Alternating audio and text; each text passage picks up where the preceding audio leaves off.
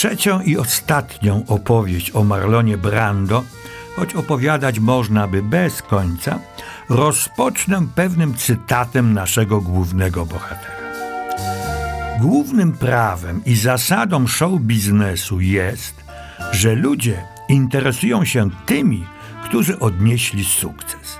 Nie jestem skłonny paść przed amerykańską publicznością i zaprosić ją do mojej duszy. Moja dusza jest moim prywatnym miejscem. Zarezerwowana jest wyłącznie dla mnie.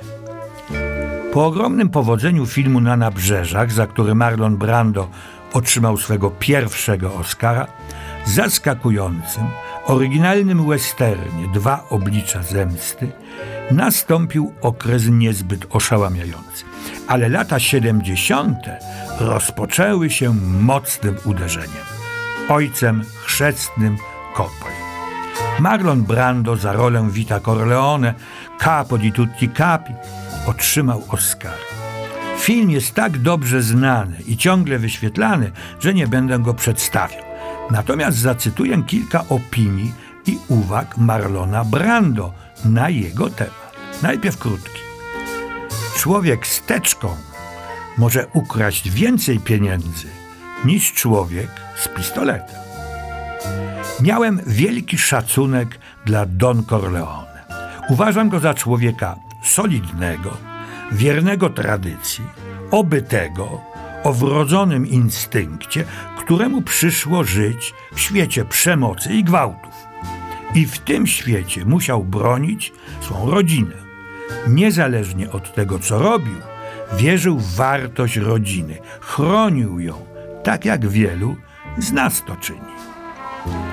Oscara za ojca chrzestnego Brando, jak wiadomo, nie przyjął w proteście przeciwko haniebnemu traktowaniu Indian amerykańskich. Jego słowa. Kiedy Indianie złożyli broń, my ich mordowaliśmy. Oszukiwaliśmy ich. Przepędzaliśmy ich z własnych ziem. Okłamywaliśmy ich w zawieranych z nimi traktatach, których nigdy nie dotrzymaliśmy. Zamieniliśmy ich w żebraków na ziemi, która ich żywiła od wieków. Nie przestrzegaliśmy praw przynależnych innym. Narzucaliśmy im własne prawa. Zabieraliśmy cudzą własność. Zabijaliśmy ich, kiedy próbowali bronić swych ziem, swej własności, kiedy usiłowali bronić swej wolności. Uznaliśmy ich wartości za zbrodnicze i narzuciliśmy im swoje wartości. Mocno, ale pięknie i słusznie powiedziane.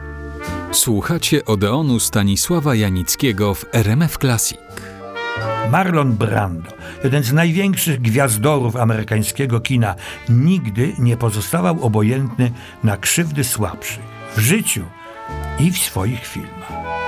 Odważny buntownik wziął udział już rok później w bulwersującym filmie, w którym zostały przekroczone dotychczasowe pojęcia, normy i tradycje obyczajowe. Filmem tym było Ostatnie tango w Paryżu Bertolucciego. Zagrał tu, jak napisano, opętanego seksualną obsesją kochanka. Jego partnerką była Maria Schneider. Wybuchł gigantyczny skandal. Zaś sam Marlon Brando powiedział przekornie: Na dobrą sprawę nie wiem, o czym był ten film, ponieważ reżyser Bertolucci chciał, żebyśmy improwizowali. Pozwolił mi robić wszystko. Przekazał mi tylko główną myśl, a ja miałem zrealizować ją w słowach i akcji. Aktor musi umieć improwizować. To jedna z podstawowych zasad aktorstwa. Choć są aktorzy, którzy tego nie robią, na przykład Laurence Olivier nie lubi improwizować, ma wszystko przygotowane, niemal architektoniczny plan. A propos Ojca Chrzestnego, po kilku latach zagrał w Nowicjuszu, parodiując swojego Ojca Chrzestnego. Przed tym był jednak czas apokalipsy, wstrząsający wietnamski film Coppoli. Marlon Brando wcielił się tu w okrutnego żołnierza renegata pułkownika Kurca Jego pierwowzorem był, jak wiadomo, Kurz z jądra ciemności Józefa Konrada. Lata 80. to czas ucieczki Marlona Brando na swoją wyspę w archipelagu tajtańskim. Lata 90. to filmy, które przynosiły mu milionowe zarobki, nawet za epizody. Na czele tej listy widnieją Kolumb Odkrywca 5 milionów dolarów, Sucha Biała Pora 3 miliony 300 tysięcy dolarów, plus dodatki, nominacja do Oscara i Rozgrywka 3 miliony. Do tej listy rekordzistów należałoby zaliczyć wcześniejszy czas apokalipsy prawie 4 miliony dolarów. Niestety, te niebotyczne honoraria nie szły w parze ze szczęśliwym życiem osobistym. Trzecie jego małżeństwo też się rozpadło. Jego syn Christian z pierwszego małżeństwa z aktorką Anną Kaszwi został aresztowany i oskarżony o morderstwo przyjaciela jego siostry przyrodniej Cheyenne. On został skazany na wieloletnie więzienie, zaś ona po kilku próbach odebrała sobie życie. Marlon Brando zmarł w Los Angeles w 2004 roku. Bernard Shaw powiedział kiedyś, że człowieka najbardziej cechuje myślenie, rozum.